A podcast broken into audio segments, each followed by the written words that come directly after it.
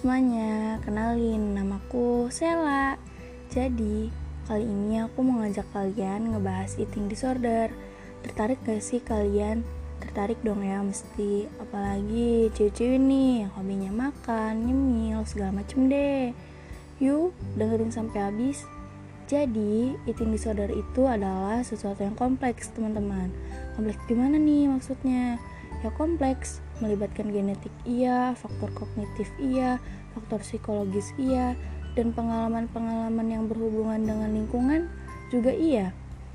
Dalam suatu penelitian, para remaja putri yang pada masa remaja awal memiliki body image yang negatif cenderung akan berkembang menjadi eating disorder 2 tahun kemudian. Nah, eating disorder ini pun dibagi menjadi beberapa macam nih, teman-teman yang pertama ada anoreksia nervosa dan yang kedua ada bulimia nervosa.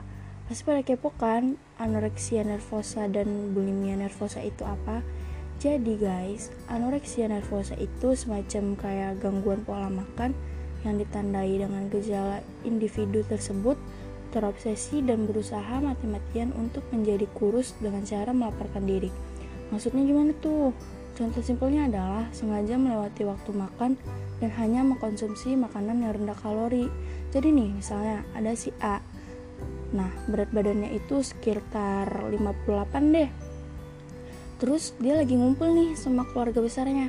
Nah, salah satu keluarganya tuh bilang, Ih, kamu kok gendutan sih sekarang? Perasaan dulu gak segendut ini deh.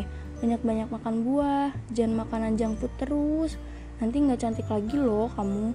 Nah, dengan perkataan seperti itu, bikin si A ini jadi mikir, Hah, aku gendutan? Ya, gendut banget ya aku. Duh, gak mau makan berkalori lagi deh. Gak makan seharian juga gak apa-apa. Asal jadi kurus, daripada nantinya gak cantik lagi. Makanya guys, si A ini jadi terobsesi untuk kurus. Salah satu penyebabnya ya faktor psikologisnya. Kenapa faktor psikologisnya?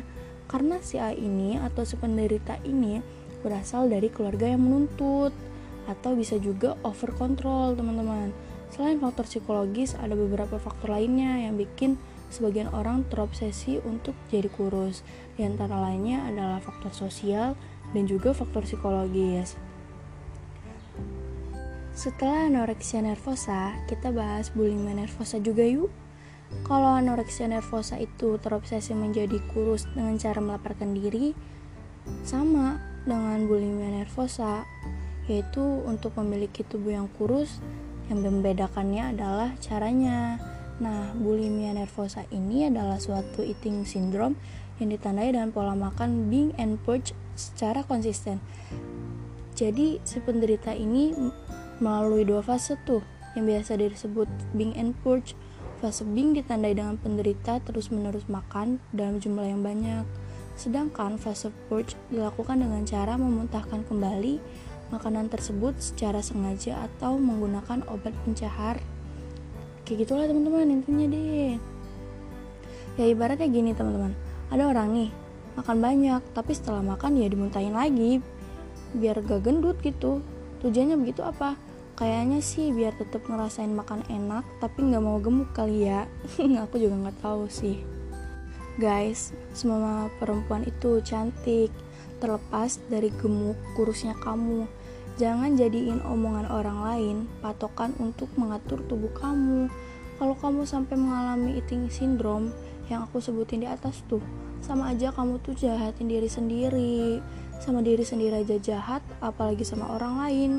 So, udah ya, jangan memaksakan diri kamu untuk menjadi kurus lah, menjadi gemuk lah, kamu tuh cantik versi diri kamu sendiri bukan versi orang lain berlaku juga untuk cowok. Kamu ganteng versi diri kamu sendiri bukan orang lain. Jadi stop. Jangan terlalu keras sama diri masing-masing oke? Okay?